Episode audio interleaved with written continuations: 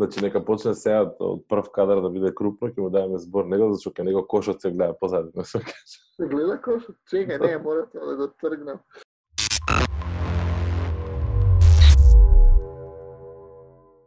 Е, па добро, добар ден, добро вечер, што и да е, драги наши заклучени, односно под локдаун слушатели, гледатели и слично. Dream Team на вашите екрани, Комкаст, следна епизода, додека сме во изолација, мора да дискутираме нешто да правиме муабет, доста само чатаме и коментираме по Facebook. Еве, гледате овде, сеат мите, јас, чека се пинувам малце за да го научам ова, ете, сме тука. Одбравме да зборуваме на тема која што секако е многу актуелна, затоа што сите можни кликбейт наслови се на таа тема, тоа е коронавирус и 5G, нормално, пошто се едно друго неминовно поврзани и тоа до крајот на оваа епизода ќе го докаже мите. И со микробрановот исто се поврзани. Да. Микробранова се проврзува преку Internet of Things и целта е да го контролира целиот тој двом. Да, значи, дечки, зборуваме денеска за е, епидемија, корона, ковид и медиуми. Значи, минатиот пат со Даријан зборувавме за маркетинг и како компаниите се справуваат, а денеска би требало да му дадеме малку повеќе збор на сеа, затоа што нели он е тука најупатениот од сите нас, а ние да се обидеме да го малку повеќе испровоцираме за да каже поише работи, што се случува во моментов, како реагираат медиумите, како реагираат луѓето, во поглед на конзумпција на медиуми или што и да е друго во време на ковид. Сега почестниот отворен отворна реч ќе давам тебе. Дарко, фала само веднаш ме многу ме обремени што ја даваш клучната улога, не знам дали толку ја заслужувам. Вие се по, подедах во активни, компетентни, ама ајде сега, еве, јас ќе видам. Фронтмената, вие во бекграунд ке држите такт. Добро, значи може да се каже дека ова е една од посериозните кризи. Многу мина од политичарите и државните лидери зборуваат дека е најголема криза по Втората светска војна.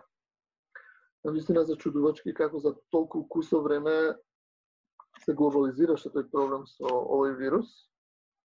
И сите ние бевме затечени, иако, како да кажем, свесни сме за последици од таква некоја можна глобална пандемија, но се брзо се случи, сакам да кажам, и во сите сектори се обидуваме да се престроиме, дали е тоа бизнис, образование, дали е медиум и така натаму, така што може да кажам дека и медиумите се затечени во смисла дека а, како работат, што да работат, што е важно. Многу има информации, како да се селектираат информациите, бидејќи лесно е да се каже или да се прогласи дека некој е, не знам, парамедиум или лажен медиум, дека ова се дезинформации, но и од оној огромен квантум на информации што циркулираат, тешко е, навистина, да се определи што е што е вистинска информација, што е полуинформација, тешко се проверуваат информациите и така натаму.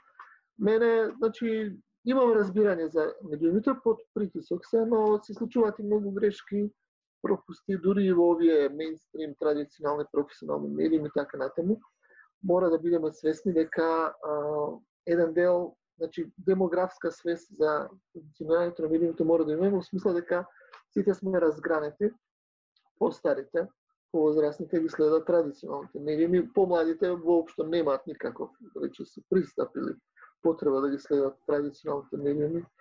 Тие се многу размрежени по различни, не само интернет страници, не само апликации, и во таа смисла сакам да кажам дека сме фрагментирани и во таа фрагментираност може да стекнеме погрешен впечаток, да изгубиме целината, што се случува во медиумите. Тоа е многу важно.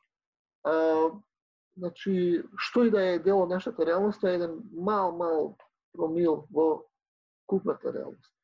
А, значи, треба да имаме свест дека сите сме затворени во некои своји комори и треба да внимаваме кога зборуваме за целината што се случува, колку држи тоа, постојано треба да проверуваме, да собираме информации така натаму.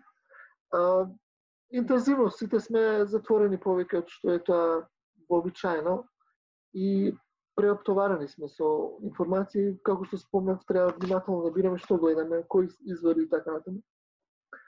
А, јас, да речам, се обидувам да се снајдам, значи, во смисла што од светот да се следи, што од дома да се следи, И не, мора да презам некои практични, како да кажам, чекори за да се контролира или селектира тоа цунами од информација, тоа го препорачувам и на сите.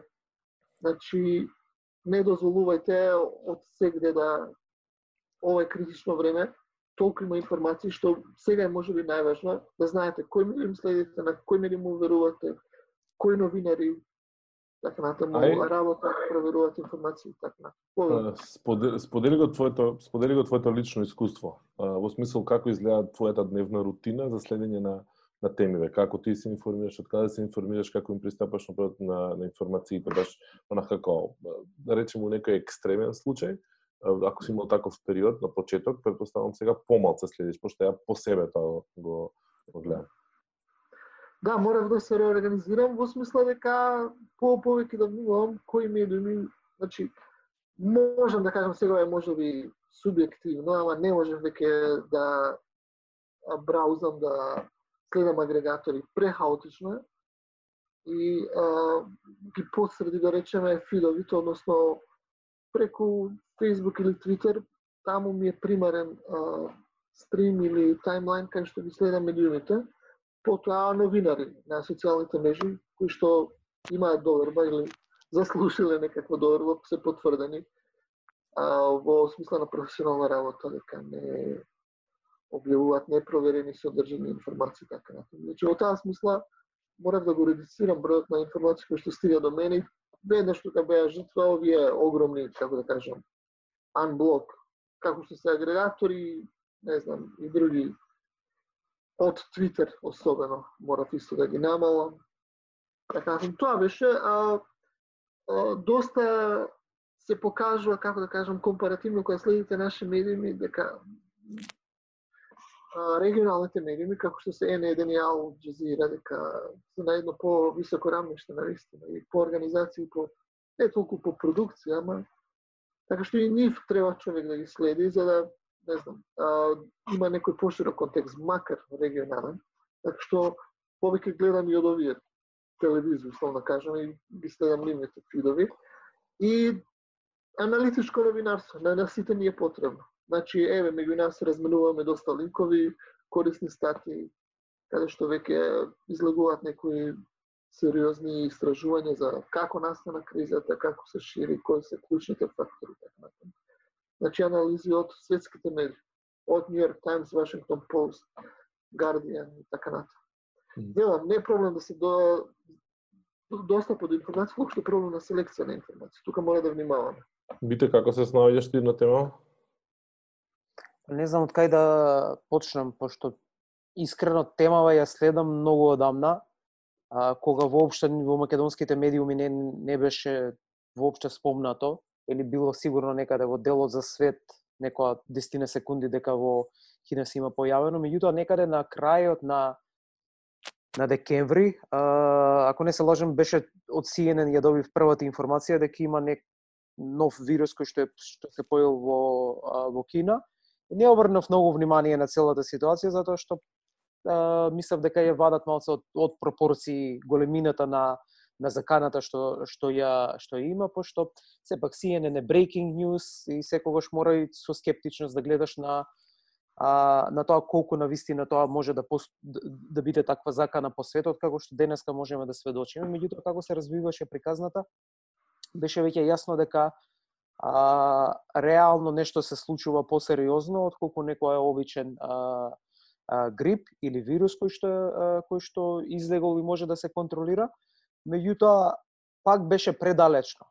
А, сето тоа го, го, го следиш некаде во Вухан, некаде, па дури кога се појавија некои си други случаи, први, првен испадна во, во Северна Кореја, Сингапур, тие што се околните нели земји, па беше предалеку. Дури и во Европа кога дојде па беше некако предалеку кај нас и многу поразлично реагираш на на приказните кога ги а, кога, кога ги, ги читаш.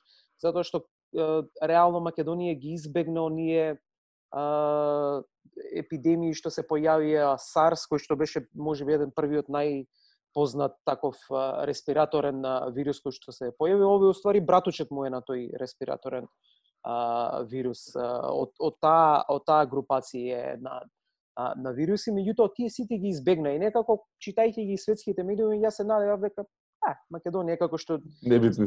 големи трендови ги избегнуваат, сигурно и вирусов нема да помине а, да, да, да, да, да дојде кај нас. Меѓутоа се, се, се, се покаже сосема спротивното.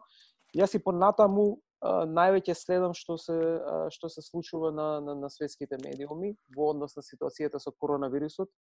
Значи, тоа претежно се New York Times и Economist а, и CNN не, меѓутоа како што кажав CNN повеќе за breaking news, иако искрен да бидам ги имаат едни од најдобрите анализи за а, за коронавирусот и низиното CNN и, низ, и низиното влијание што ќе што што што се случило и како и што може што може да биде.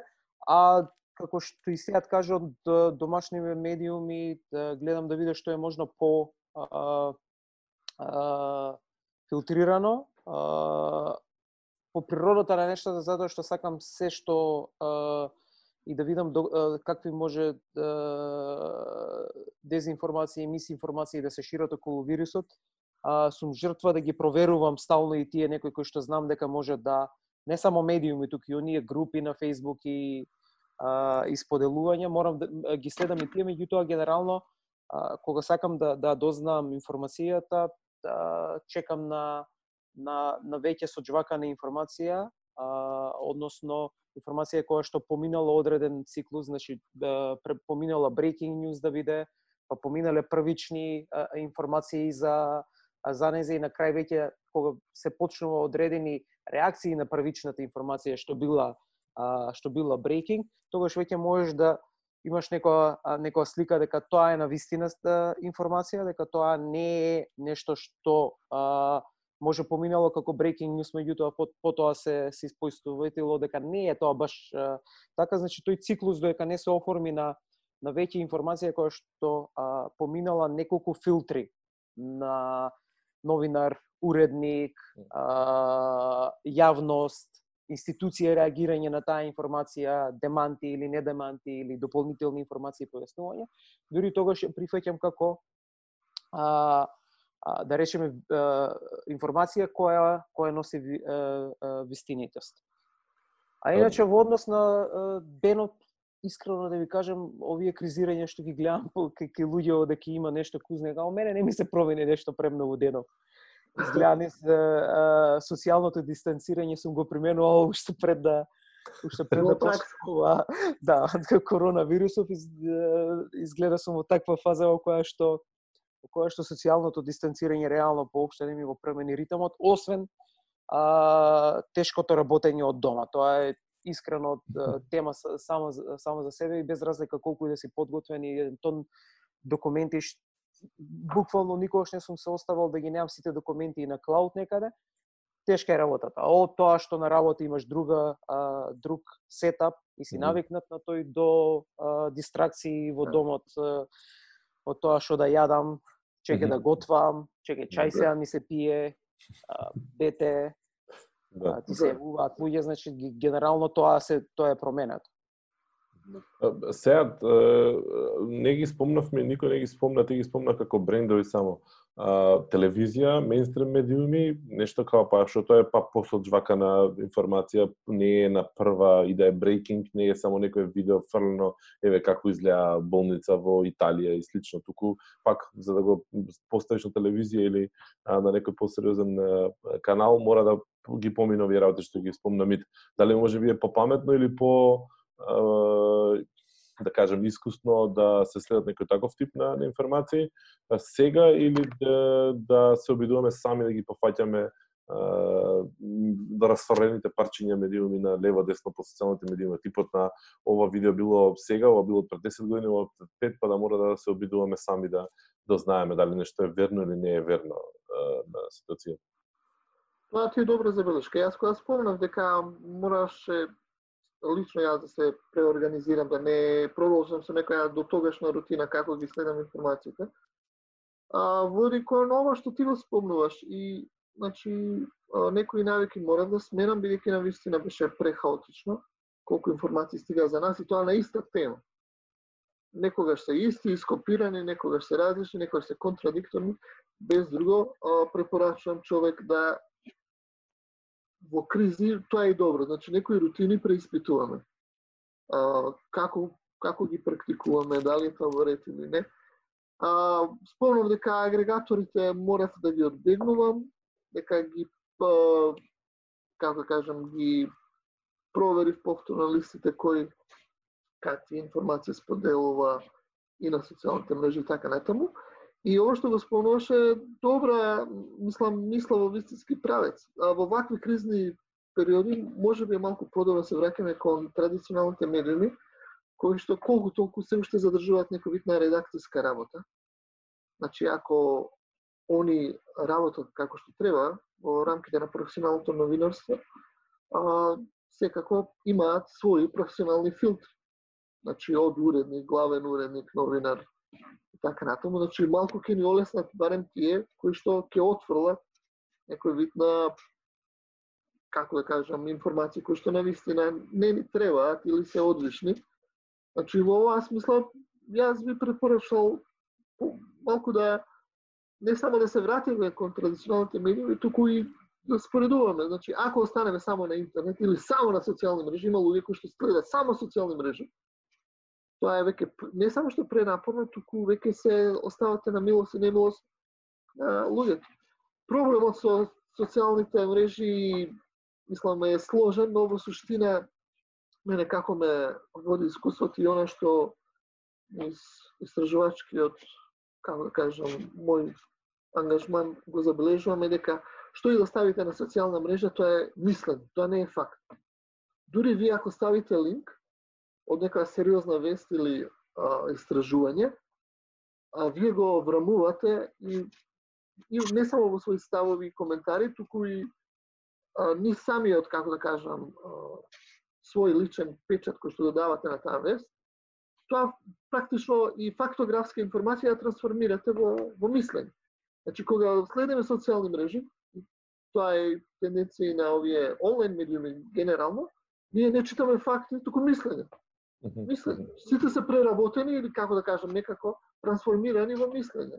Дури гледам и кога луѓе ставаат бројки, спомнавме за тоа, се надам ќе чепнеме таа тема. Хајде, ајде, отвори. да, дека бројките се најопасни дезинформации. Значи, од милион бројки, иако инсистирате или повторувате одредени бројки, ги фреймувате, ги ставате во рамка, потоа ставате своје мислење, коментари и така натаму, значи и бројките всушност ги трансформирате во мислење, нешто што е најфактографско. Тоа е проблемот.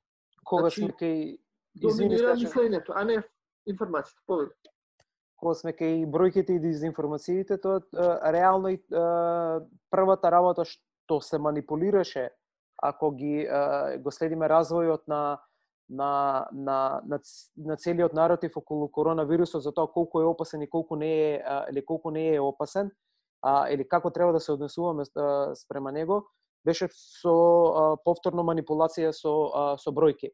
Најголемиот дел од оние што политичари, што оние што излегуваат дежурни експерти и на светски медиуми, и на домашни медиуми, правичното нешто што го користеа за да ја ублажа, да речеме, влијанието што може да го има овој вирус и неговата опасност, беше дека а, што се се уплашиле медиумиве толку а, дигаат галама, а, кога овој вирус убива помалку отколку што на годишно ниво убива еден, а, еден обичен сезонски грип.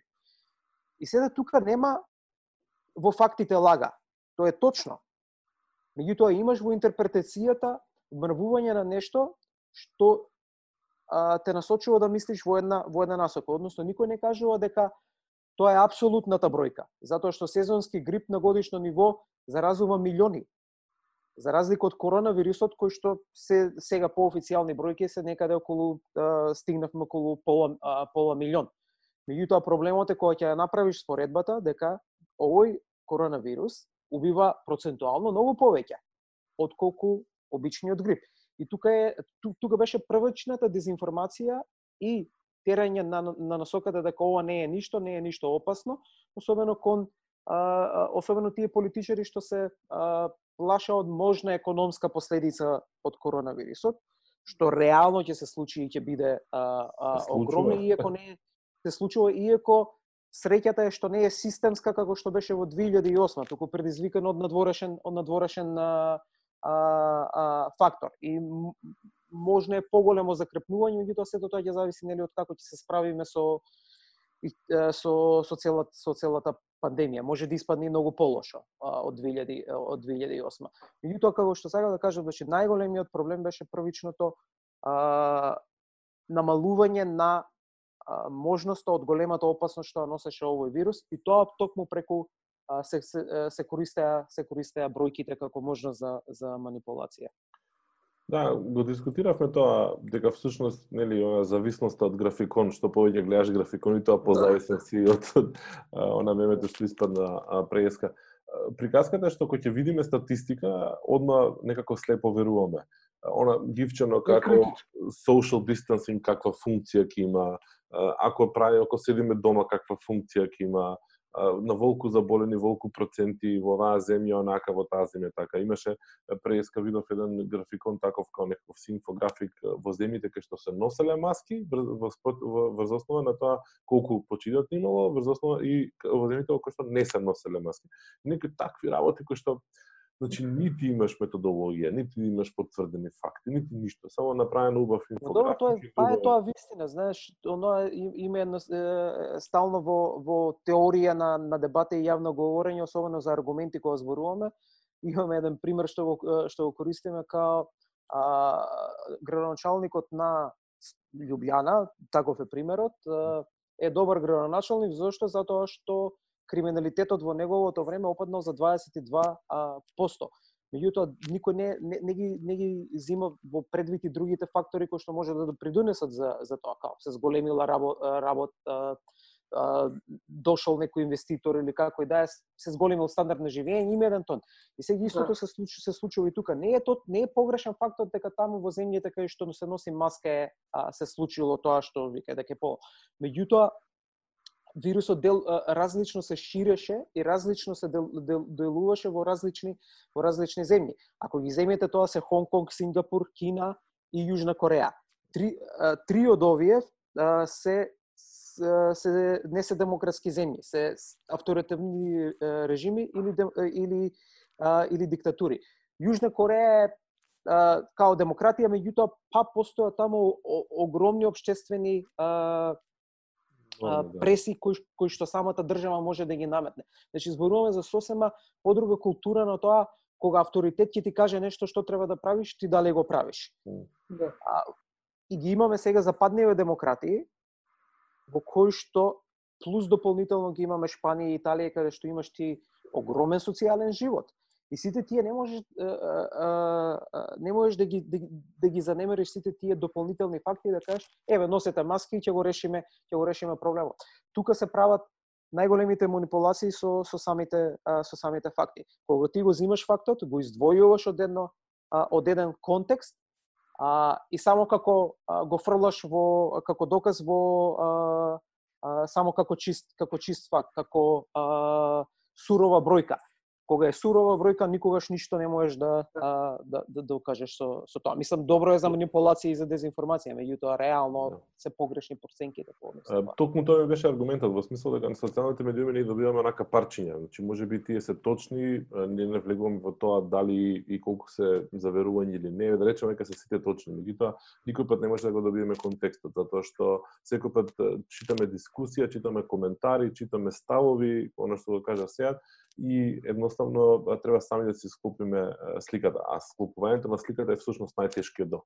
Склопувањето да. на сликата е делот на, да речеме, професионалци, искусни, не знам, новинари, вакви такви. Пошто имаме ние и научници кои што имаат спротиставени мислења. Имаме и рецепти за лекови од вирусот кои што имаат спротиставени спротиставени да. ставови и покрај тоа што нели лек официјално се уште се уште нема, и русите сега нешто кажа, нели дека успеа да го да направат да се сменува. Пак тоа, прашањето е колку секоја можна информација денеска, па дури од сериозен медиум, може да ја ставиме под знак прашање пропаганда А во смисол на тоа дека имаш руски медиуми, имаш не знам кинески медиуми, имаш американски медиуми кои што до пред три дена воопшто не се ни замараат толку многу со корона, има една вест денот или нешто слично, кога аха негде нешто се случува. Е сега веќе тоа број еден цело време уживо се следи ситуацијата, паника е бла бла бла. колку можеме на секоја една информација, на секој еден медиум да ставиме еден огромен знак прашалник пропаганда? Предпоставам дека кон мене си го насочил Дарко, така што ќе си продолжа. Ама мал коментар за бројките пак. А, а, ќе се вратам директно на твоите прашања. Значи, кога зборувам за бројките, јас чувствам дека и медиумите, особено и онлайн медиумите, ги препакуваат, ги прилагодуваат своите информации кон форматите. И сега сите се обседнати, нели, бројката е најубедлива информација. Првата опасност е која бројка, како што самиот спомна Дарко, значи контекстот на бројката и на бројките на статистиките не ни е даден и ние тоа го пополнуваме со некои заклучоци или предпоставки. И а, трето е што многу лесно се води пропаганда преку бројки. Значи, ако вие бројките а, може да ги изолирате, да ги спакувате како што ви одговара, ќе се најефектна а, пропагандна алатка. Да речеме, забележувам дека а, при пласирањето, објавувањето на бројки, медиумите и институциите прават многу грешки, особено да речеме во смисла да направат некоја а, прегледна медиумска содржина која што сите ќе ја видат, ќе ја споделат. Симплифицира. Да. Да.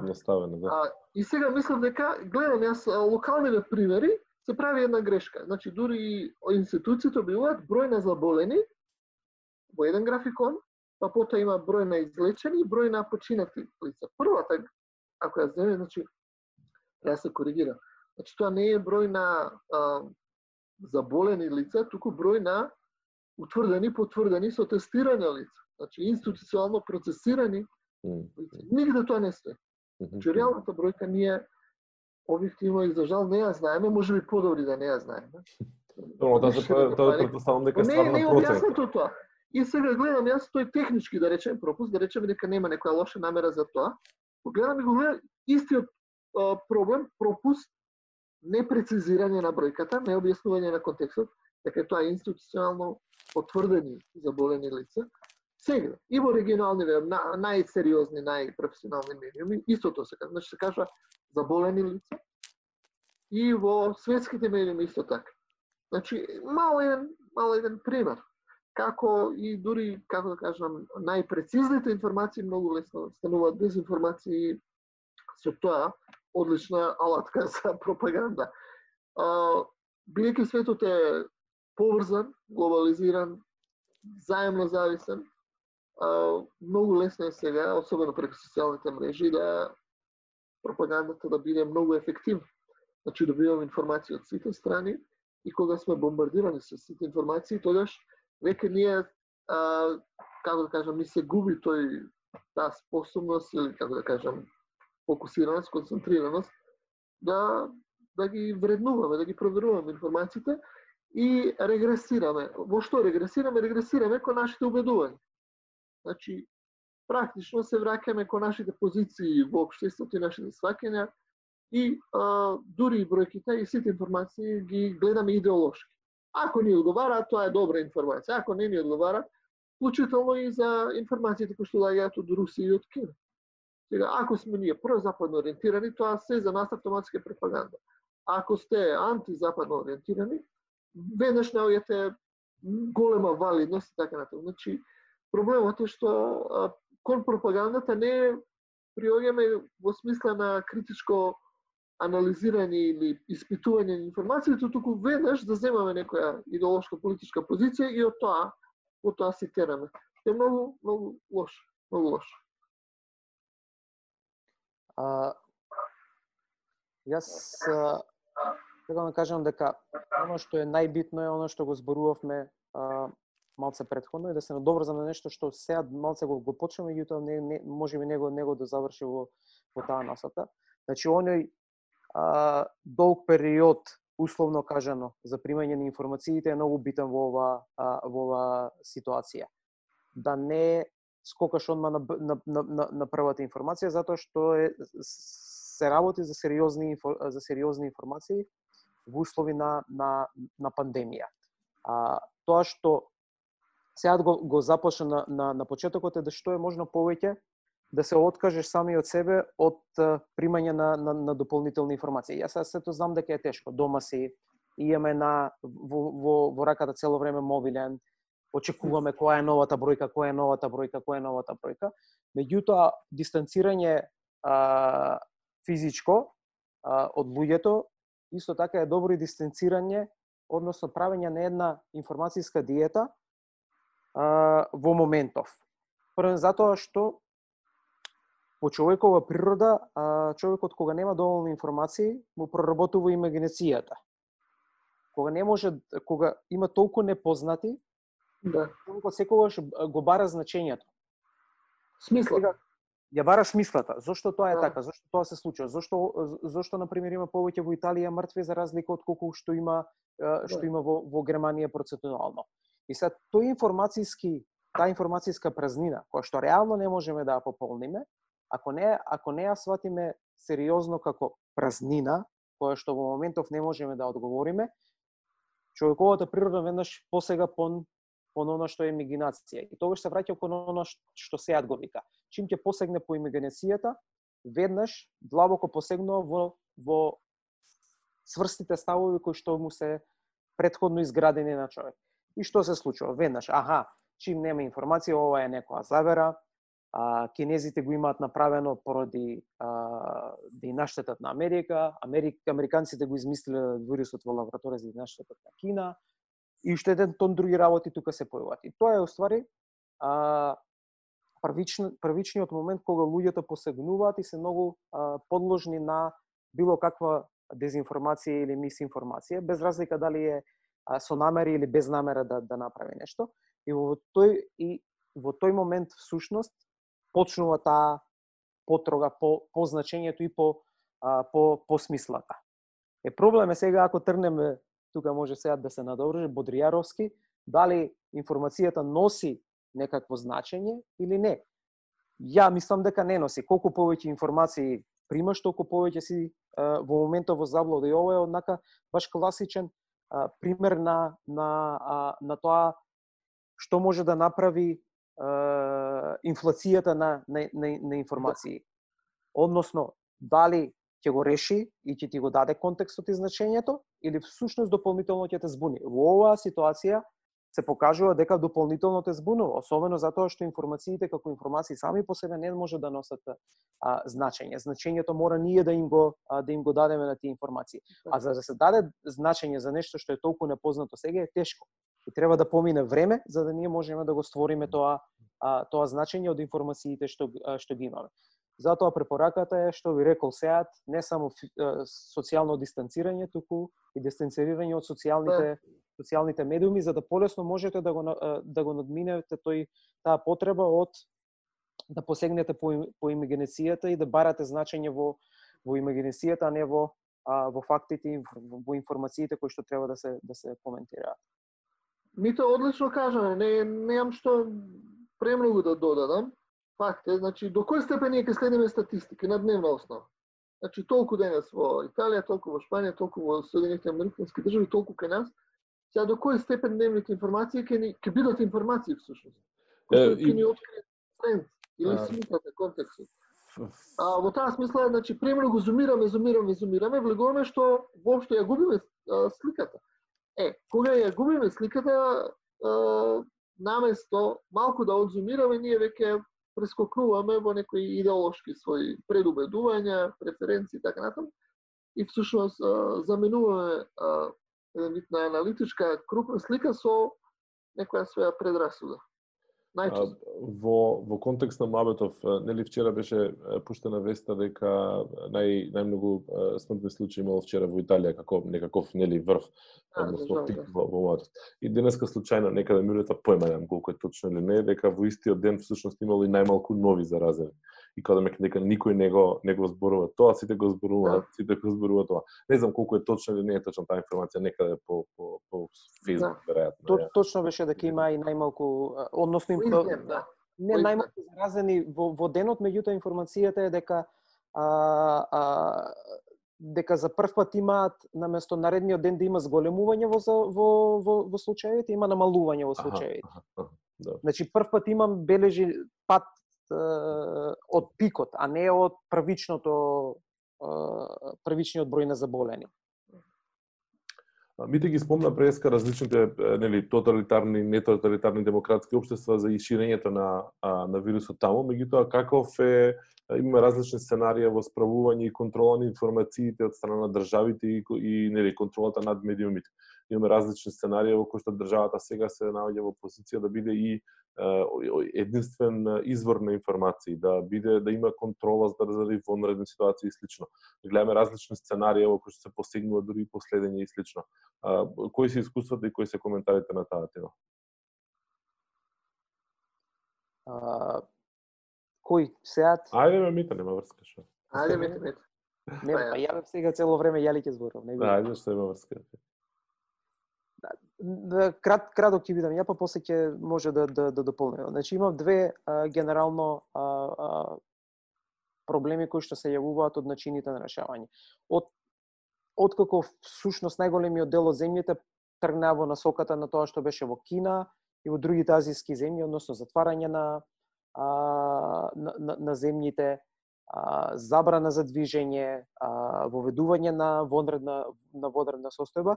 Значи генерално тоа е сега нај, во најголем број на земји застапен тој тој пристап на на решавање со со коронавирусот.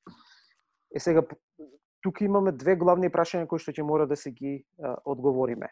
А, што ќе се случи после а, завршувањето на кризата и како ќе се вратат повторно а, назад институциите во нормална функција во однос на тоа колку привилегии имаат врз слободата а, на граѓаните и врз тоа колку они може да, да, да, да ги користат тие ефикасни мерки кои што ги имаат во во модерната состојба. Дали државите ќе се ќе сакаат да, да така лесно да се да се откажат, а имаме примери дека не сакаат. Ќе го спомнам нападите на САД каде што а, Patriot Act после во виду измената а, а, форма стана и а, друг закон а, понатаму кој што кој што се уште се користи. И втората втората втората ситуација е и тука е разликата помеѓу демократските и овие општества, меѓутоа дали и демократските општества ќе тргнат во насоката на масовно следење преку а, телефони, преку а, медицинските досеа, отворање на медицинските досеа, а, за да можат да знаат во кое време кај сте биле, па да ги наоѓаат кластерите како се формираат и така да, да, да се реагираат. Ако тоа се прифати во демократските општества, после е прашањето како они ќе се откажат од сето од од од, од сето тоа. Значи тие се две прашања кои што реално се а, тежат врз глава врз, од, од на сите нас кога што ќе се случи кога се враќаме во во во нормална не во Условно речено нормално. Да. Мите, јас ќе продолжам бидејќи така ти ми Да. Сугерираше. Значи, неколку работи се важни. Прво, значи сега механизмот или државниот апарат. А, државните апарати во повеќе земји се впрегнати во еден вид на, како да кажам, трка и со времето и трка со ефикасност. Значи, како да се справи со една сериозна закана, Значи, мерките секакви на контрола, дури на репресивните мерки сега се во полн погон и на некој начин а, државите вежбаат зголемена дисциплина или режим на контрола или режим на менаџирање. Да, и на послушност, добар израз. Значи, тоа е во пораст. Сега сите сме во фаза, особено во демократски земји, каде што веруваме дека тоа е за наше добро. Што може да произлезе тоа? Значи, може а, а, да се а, а, зголеми или да се помести скалилото на наша сензитивност кон практикување на овие режими на контрола или процедури на контрол. А, може ние да прифатиме да тоа да се нормализира. И за други кризни ситуации, истите процедури да се применуваат и ние тоа да не, не го сватиме, значи тоа е опасноста, едно дисциплинирање и ние да го изгубиме сензибилитетот зошто? Што е смислата, што е суштината на тоа да се кои. Втората опасност, извини, ако само да не ми одлета мислата, е што а, со влегуваме на многу лизгав терен, следејќи ги коментарите и медиумските известувања, дека Кина Јужна Кореја и така натаму и други земји се покажале како поефикасни во справувањето со криза за сметка на справувањето на криза со некои европски земји и Соединетите Американски држави. Опасноста е следна, а да се добие еден вид на перцепција или општо проширен став дека тоталитарните држави или таму каде што имаат помала демократија многу подобро се справуваат со вакви кризни ситуации што може да експортира еден многу сериозен проблем, да, да ја подкопа, како да кажем, да ги подкопа демократските вредности и на некој да му оправда, еве, значи на некој си иден автократ да се инспирира или да почувствува погледен момент да каже за да нашата држава биде посилна, јас ќе ги намалам демократските слободи, мораме сите да бидеме подисциплинирани, не знаеме што не чека, значи а, со еден вид на а, одржување и после оваа криза на тој страф или таа закана, а да ги подкопува демократските слободи. И трето, малку го допре тоа мите, кога ќе се воспостави, ќе се промени скалилото на дисциплинирање на популацијата и ќе се воспостават некои процедури, многу побрзо се воспоставуваат околку што се повлекуваат. Многу побрзо. Го спомна Мите многу добар пример со терористичката да, закана за Соединените Американски држави, колку тоа со години наназад полека се повлекуваат тие норми, правила, постапки, процедури така натаму. Тенденцијата секогаш а, треба напорно е да се вратиме во, во нормалата на, на, на слободите кои што сме ги уживале пред кризата. Ќе го вратам јас моментот назад кај, кај медиумите. Значи, овој тип на контрола и овој тип на вонредна состојба, нас на почеток сите не стави во позиција, чекате, се што ќе каже Филипчен, ние ќе му веруваме, мораме, затоа што мора да се справиме со него. Значи, мора да демонстрираме послушност и доверба пред се кон институциите, затоа што, нели, ако се институциите не им даеме шанса да се справат, а ние сами не може да се да се справиме со целата оваа ситуација. И сега се наметнува прашањето на, нели, секој божи ден се ваде и се вадат онакви мобети. Директор на фабрика бил заразен, дали ги заразил сите. Докторката била заразена, колку има од за заразени. И некои такви ситуации во кои што, значи, ние сме едно, единствениот извор на информации кој што во дадена ситуација не може да биде нити од реално транспарентен, отчетен или што и да е, ние, ние тој еден, да речеме, владен, владен систем во оваа ситуација. Колку тоа влијае на, на, на градењето на, на информациите на објективно некакво известување од страна на медиумите и колку, може би, обратно, па остава голем простор за оние кои што сакаат да напаѓаат, да речеме, нели, од, друга, од другиот политички табор, да напаѓаат и да не може баш многу лесно се аргументира дека тие немаат право или имаат право. Мите, мите. Многу долго ми беше прашања. Да. Ко Оливера Трајковска да го поставуваш. Многу на политика ми затеравте, не ме заведе, морам да ме вратам назад кај медиуми. Контрола на бројки, контрола на информации и бркање на бркање на скандалозни приказни од типот на нели дали докторката заразила, да. колку луѓе заразила и слично. А ќе ќе го почнеме и тоа, само сакам малце да се навратам на, на сеато оно што го кажа односно на неговата втора, втора, втора точка, точно тоа е едно од најголемите а, проблеми, а тоа е а, а, допад, а, во одреден момент да стане сега допадлив тој дик, а, диктаторски систем на авторитарен систем на, на владење, уште повеќе што последниот извештај а, што можевме да, да ги видиме за годинава е дека нивото кон довербата во демократијата на, на светско ниво е паднато на нај, на, најниско можно а, ниво од, од кога се мери тоа.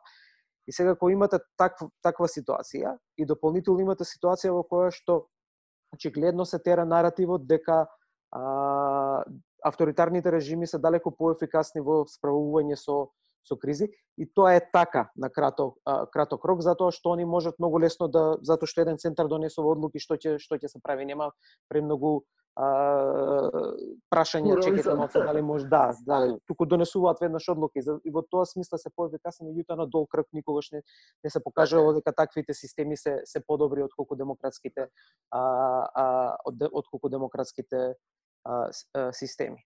И тоа е најголемиот проблем од, од, од, од тоа. Мислам, ева ситуацијата ја имаме со Орбан, кој што веќе побарува да биде а, некаква шанса да, да, да скоро и да не може да, да, да, да, се промени, односно да биде изгласен за доживотен пред, малтен председател со ново система. Значи, најверојатно ќе пробаат многу такви диктатори да го да го искористат да го искористат а, а, овој момент за дополнително да ја зајакнат својата својата својата позиција и многу и други демократи ќе ќе посегнат по тоа. А, оно што се случува кај нас е во однос на наследењето на медиумите, а, значи за се забележуваат неколку трендови. То, тоа се еден тренд да се а, оди во насока на скандализирање на, на, на, на целокупниот а, на целокупниот а, проблем. Имаш друг тренд на ов, не знам дали сите може да се кажете медиуми што ги спомнувам во ситуацијава. Друг тренд на, на тоа дека дека а, не е сериозна ситуацијата толку, значи та, таа линија на дека дека премногу се а, владата се дозволува особено со вонредната состојба дали требало или не требало да има за зграбување на власта и така натаму. А, и еден а, тренд на на а, кој што не, не траеше долго и со среќа не траеше долго на а, играње пародични вести со, а, да. со, со, со, со ситуацијава, кој што е многу опасен. А, било каква пародија би било опасна на, на темава ако не е добро смислена, а не па пародија во да се појавува во, во медиум кој што репортира секој дневни вести. Сега тука се прави за, а, забуна и а, третиот тренд кој или четвртиот кој што е онака нај би рекол најширок е борбата на на медиумите кои што се да речеме ај условно речено покредибилни и посериозни, ама да ги имаат први информациите во во вакви услови, први да ги да ги објават и а, прават прескокување на, на, на, на одредени правила, да, со некои нивни внатрешни кртови што ги имаат и што им даваат информации, ќе ја дознаат бројката на ново заболени, па ќе ќе објават пред тоа да биде тоа, тоа да биде официјално. Значи, овие се четири некои девијации што можев да ги да ги да ги забележам од страна на на медиумите.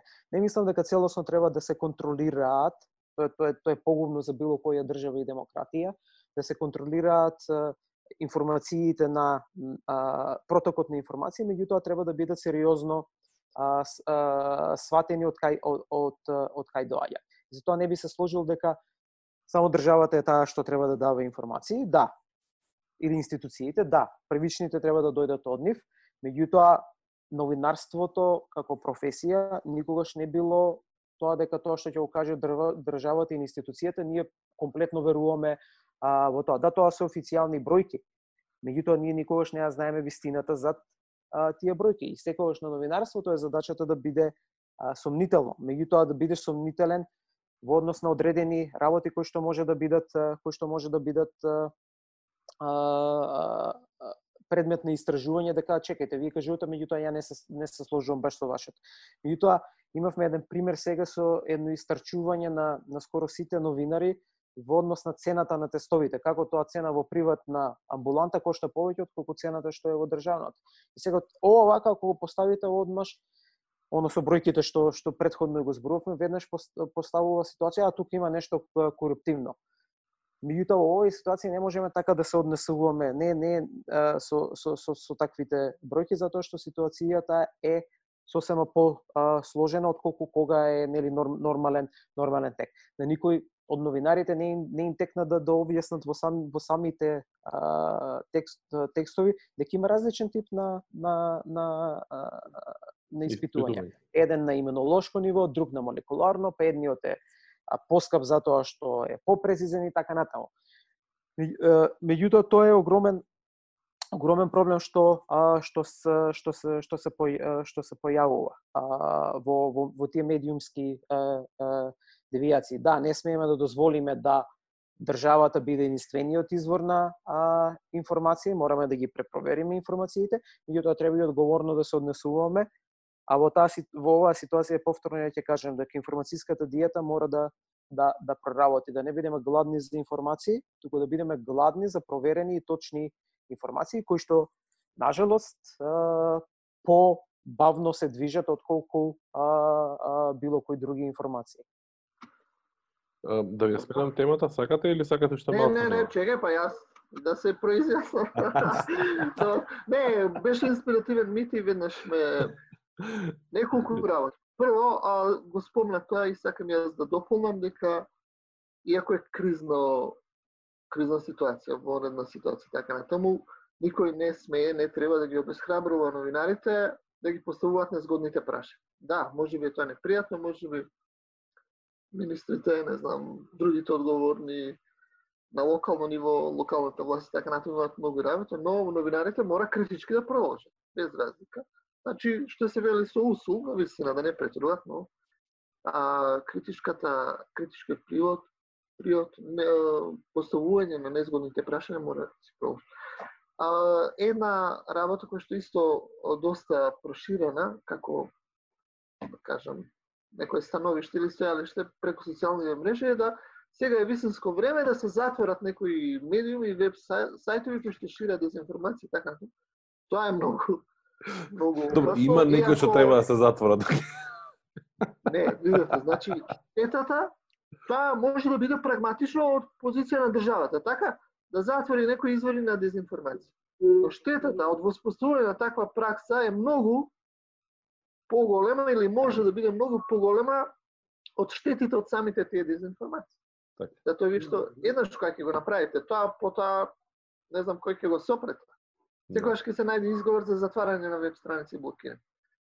Значи јас би повикал на предпазливост. Треба многу да се внимава. На висина ако направи некој нешто исклучително, тогаш треба да се применува законот. Но сега како некој вокс попули да се прави кампања да се затвараат веб страници или онлайн медиуми, тоа е многу многу чувствително прашање, особено во наша средина каде што немаме толку изградена политичка култура и на толеранција кон различни политики не знам секакви ставови во општеството, тоа е многу опасно. И трета работа која што мислам дека е важна, ми пречи лично и мислам дека е погрешно, може би е субјективно, но би повикал малку на по-широка дискусија за тоа. Значи, институциите да одговараат на а, шпекулации на социјалните мрежи. Не знам колку е тоа препорачливо, особено кога ти имаат сега многу по Прво беше шпекулациите, не знам, за курсот на денарот, па шпекулации за 5G мрежата и така натаму, значи институциите треба да се тераат својата работа. Шпекулациите никој не може да ги сопи. Ниту еден демант или повик или апел не може да ги сопи. Значи мора малку повнимателно да се пакуваат тие работи. Ако го чувствувам поривот или позитивниот, односно добро намерниот мотив тоа да се демантира или да се, но тоа не е начинот.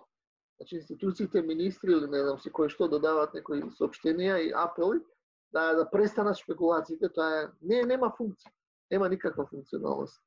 Значи во таа смисла треба да се внимава и треба а повторно малку повеќе по важна улога да добијат традиционалните медиуми. Немаме каде да бегаме, значи сериозен дел од популацијата гледа телевизија по цел ден. А, И Добро, мора да го канализирате тоа. Да. Значи не гледаат сите, морам да. Морам да потенцирам. А, кога Да. кажеме традиционални медиуми денеска, не секогаш мислиме исклучиво само на телевизија, туку мислиме на сериозни медиуми кои што функционираат и онлайн. Значи ти ги спомнав Редакции, почетокот- да, редакции. Да, значи редакција кај што кај што збораме. Не е Традиционален начин на производство на на на, традиционално на, на новинарство, да вести. Традиционален, да. А, е, значи, сега ми направи отвор затвор, сега ти кажам прво, таман сакав 5G темата да ја отворам и ти ми направи Е, отвор па затвор. е, знаме кај ти е. па е у тизерот на, на, на видеото на почеток ја пуштивме. А, Е, е, браво. се, дека зборуваше, дека зборуваше ми текна на друга друга работа. А, самиот факт што а, самиот самиот факт што е, се нафативме да зборуваме за 5G и ни стана тоа топ тема сега и не е нова дискусија, нема ништо ново на таа тема сега, него ја извадивме од нафталин од некаде, затоа што некои конспиративни теории е поврза и со и со вирусот. Дали става до знаење дека се враќаме у некоја нормала во која што не сме обседнати само со вирусот, дека може глупост некоја рандом да ни го обземе денот, денот да ни биде онака како топ вест на денот и слично. Во смисол на као, окей, ова више ни е реалност, прифатена, секојдневието, па сега може да се вратиме и на дневните глупости што ни се случуваат и ги окупираат медиумите и политичарите и слично. Ова ти е добра поента. Мите, извини ако те прескокнем, само да не ми одлете мислата, значи одлично го да лоцираше проблемот. Значи, колку дена поред ние може само за, за корона да следиме информации. Сега не треба некоја друга тема и улетуваат вакви теми. Тоа е еден вид на бегање од, како да кажем, не од реалност, туку од дека обид за разрешување и справување со заситеноста од информации за една тема. Да, таа се уште е актуелна, може би е поактуелна од пред 7 дена, но ни треба некој изивен вентил и сега влетуваат вакви теми. Апсолутно. 5G мрежата сега сите зборуваат за тоа, дури апели, сообштенија од не знам се од кои се не институции, од кои се не функционери и така натаму. И ке има вакви теми, за жал, најверојатно вакви ескапистички или теми забегувачки, колку да забравиме на короната, ама Ама тоа е реалност. Ако живееме во заедница, не може да избегнеме. 5G-то во една теорија всушност предизвикувач на короната. Да. Едно од теориите на на тоа, дека само земјите кај што има 5G ги го почнале ширењето на, на, на вирусот. Нормализација на целиот процес мора да мора да се случи затоа што првичниот шок може би се уште трае од целата цел, цел, целата нова настаната ситуација.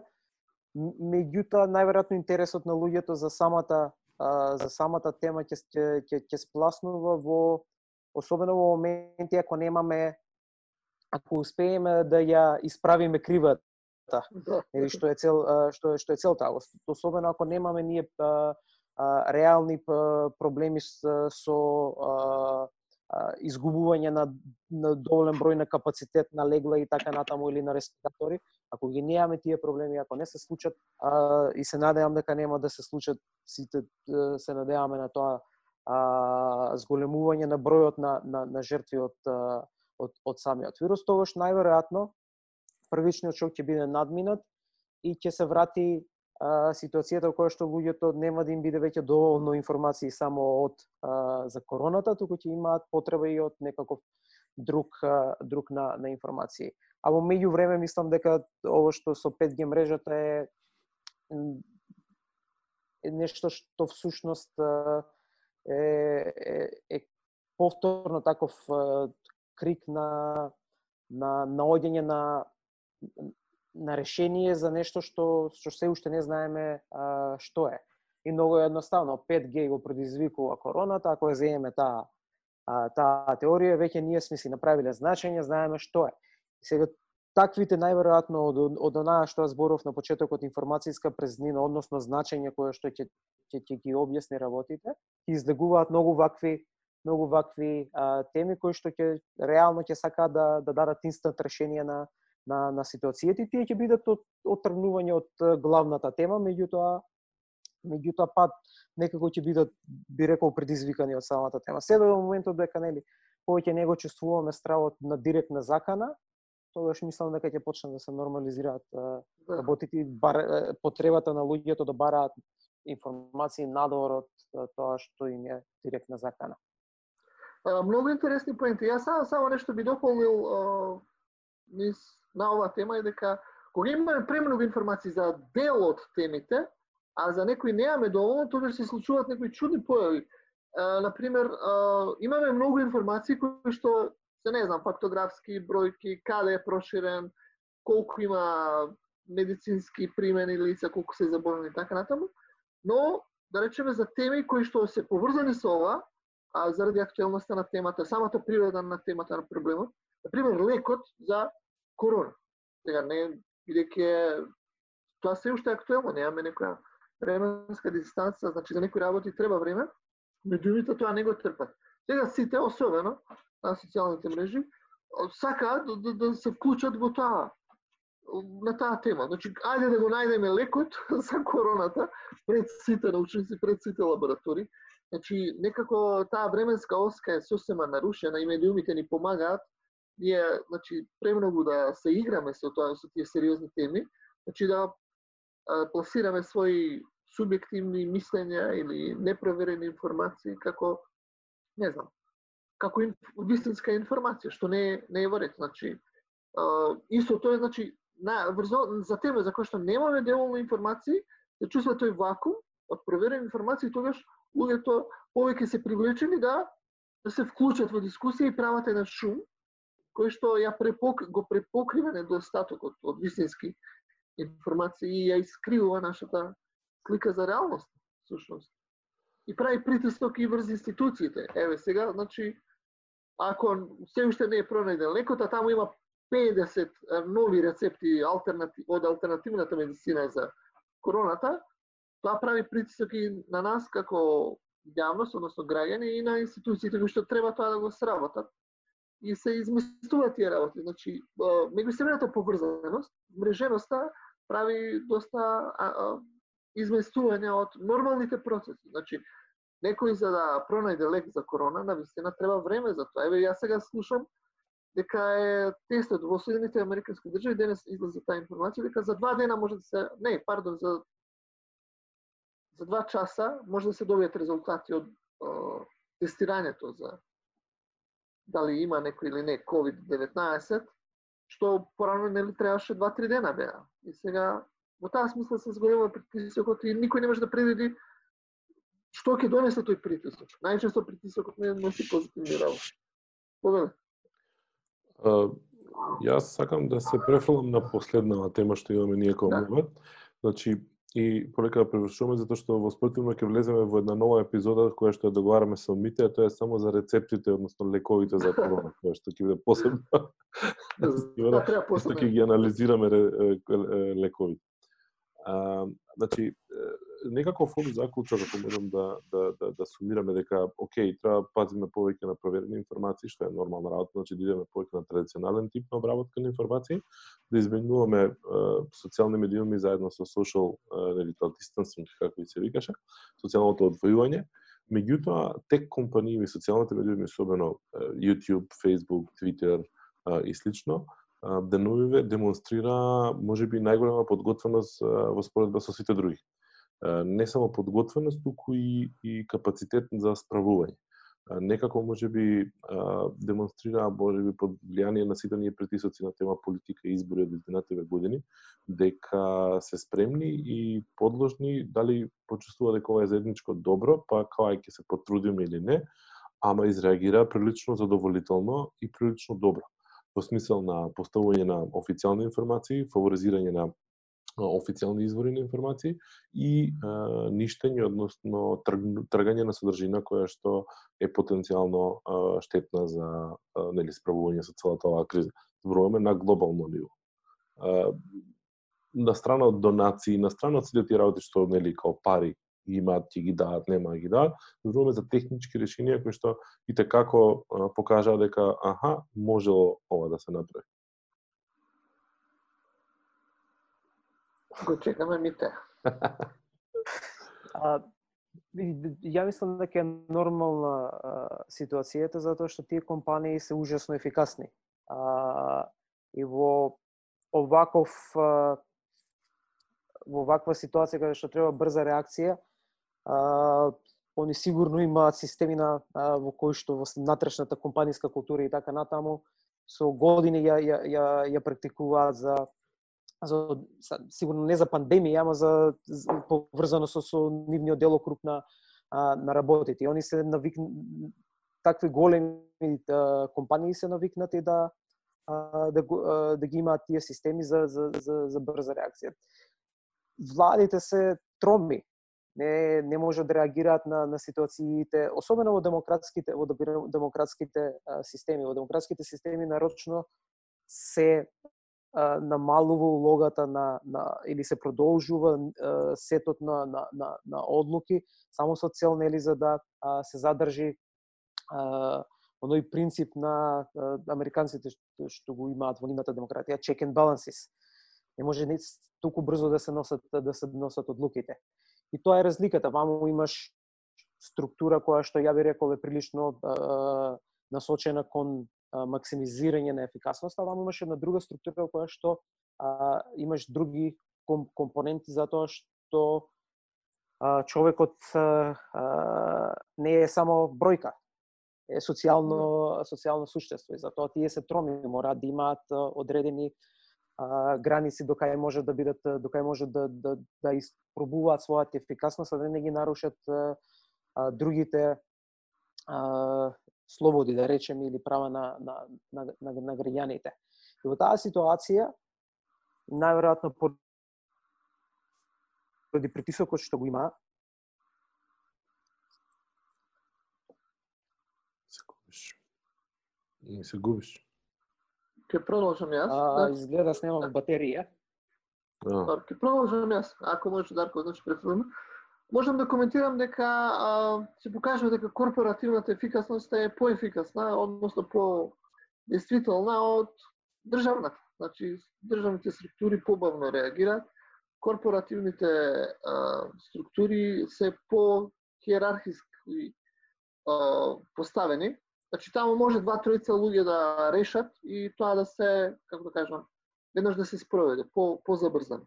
Значи, корпорациите, компаниите, големите компании имаат поизразена вертикална организираност, која што потоа полесно се применува и позабрз.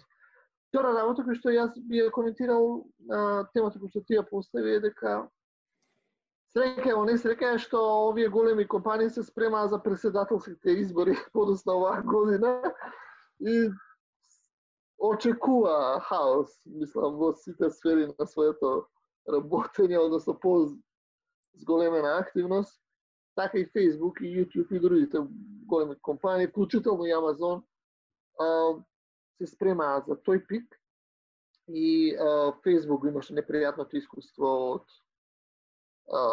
дебатата во Американскиот сенат и они веќе си го јадеа стапот кашано вака колоквијално и се спрема посериозно, значи веќе некои процедури беа подготвени, Мм. а, особено велам во контекст на председателските избори и а, навистина добро реагира, значи се гледа дека имаат и воспоставени процедури за различни типови на појави, како да се канализираат информациите и така натаму. Значи тоа се тие два клучни фактори. Значи претходното искуство и она што она Да. за што се подготвува, да, за изборите. А, Значи морам да, да, да дополнам морам да дополнам уште една работа тука затоа што зашто беа толку ефикасни или се толку ефикасни? Затоа што имаат многу јасна чиста ситуација што е црно, што е бело, што е еден, што е нула. Што е вистина, што не е вистина во смисла тоа дека сите сме на истата страна, нема политика во смисла на тоа дека официјалните извори се, не знам, за Министерство за здравство, Светска здравствена организација и така натаму од нив ќе ги веруваме, ќе им ќе ги фаворизираме информациите. За разлика од тоа кога имаш ти политика, тука имаш многу преплетени игри во кои што мислам која страна и да ја фатиш, како и да почнеш да мериш што е вистина, што не е вистина, некој ќе биде незадоволен од таа приказка во рамките на една иста во рамките на една иста држава. Така да веројатно судејќи по сето тоа сега на Facebook и на YouTube и на Google и на сите ми е далеку полесно да донесат одлука, аха, ова ќе го направиме, технички можеме да го направиме, еве се спремавме, спремивме и имаме верификација на факти, имаме потврдени организации и ќе се трудиме да ги да ги следиме нив. Меѓутоа верификација на факти во една ваква ситуација и верификација на факти во дебата политичка за избори е Така, многу различна се, работа. се тоа држи. Апсолутно сите овие поенти се на место. Може да се шири приказната, но ова според да се покажа како многу важно. Иако мора да, да бидеме свесни дека корпорациите, компаниите не треба повторно да се залюбуваме во нивната ефикасност, туку да бидеме внимателни, дека во кризни ситуации тие може побрзо да реагираат, но таа ефикасност да не да не се пресликува во тоа како функционираат цели држави. Тоа е невозможно, затоа што компаниите се не се автократски структури, ама не се толку демократски, не се толку инклузивни. Така. Така што тоа треба да се уважи, но да не се применува као општ модел сега. Така треба и државата за да биде поефикасна. Ќе се пушти еден генерален заклучок. Мите ќе го дадеш. А што да дадам генерален заклучок, не знам. Тоа би им порачал на гледач. Останете дома. Останете дома тоа, да. А, Сакале или некеле. Ја мислам дека мора да одговори на прашањето до кога вака. Да, и што по ова? Што по ова? Тоа по ова, па ова ништо толку. Светот кој што го познававме, барем така најголемите аналитичари Да. викаат, тие фут, футуролозите дека светот кој што сме го Да. познавале сега немало да биде ист после а, пандемија во дие кој ќе се справиме со несе и како ќе се Е, справиме. една многу важна работа не кажав, Дарко, извини. Ајде. Значи, многу мора да внимаваме дека премногу негативност има и на социјалните мрежи, особено за оваа тема. Значи, ако отворите социјални мрежи, луѓето на вистина претеруваат само со споделување на негативни работи. Овој таму го видел, овој не ги почитува мерките. Се создава слика дека сите го прават, а не, мислам, Сега за да речеме ако да прешмаваме. 15% го прават тоа, 10% не го не ги почитуваат мерките, на, Facebook имате представа дека 100% од информациите за тоа се само за тие што не ги почитуваат. И може малку да се изместиме во некој вид на негативно расположение, дека ете никој не ги почитува мерките и тоа да не охрабри ние да не ги почитуваме мерките така. Значи, мора дека тоа е искривена слика. Јас Луѓето така сака само негативните работи да ги стават на на Facebook и на Twitter и на не знам каде се Instagram да. дека најголемиот дел од населението на вистина се дисциплинирани. Тоа може да се каже, на вистина. Јас Сега, така реагирав 10% Да. да. Јас реагирав на сликите за во автобус кога беа ние дека се турка Да. внатре за да влезат и сега тогаш бев малце помалце на страната на на на луѓето, односно бев на страната на луѓето, а меѓутоа и верував гледав дека има доволно автобуси, па не знаев како да пресудам, меѓутоа Да. индикативно ми беше дека имаше една-две слики не повеќе, кои само од една ситуација, али ова сега со пензионерите вчера и денеска ми е најхит, мислам и тука апсолутно Да. ги обвинувам пензионерите и никој друг. Ова, ова треба посебен термин за ова, пензионерска деликвенција. Да, не, не повеќе, само... Да, вистина, ни требаат нови зборови за ова што ни се случува. Дефинитивно. Е, па имаме инфодемија, нели како беше тоа? Инфодемија, да. Меѓутоа најбитното нешто е, како што кажавме, што можно подалеку од а, сите дезинформации што ќе ги најдете, значи тоа social media distancing исто да се практикува, односно ин- информацијска диета малце, за да останеме што е можно по разумни во цело во, во целокупнава сито, во ситуација. Особено ако се продолжи ситуацијата и да да луѓето мора да останат уште две недели, уште цел месец можеби можеби дома. А, сето тоа ќе ќе ќе создава фрустрации кои што некаде ќе мора да да, да избијат на повр, на површина. А најлесното избивање на површина е а, преку социјалните мрежи затоа што знаеш, седиш за тастатура и ја чувствуваш лагодноста да дека ја нема некој нема некој до тебе да ти врзи шамар ако тресеш глупости Да, да.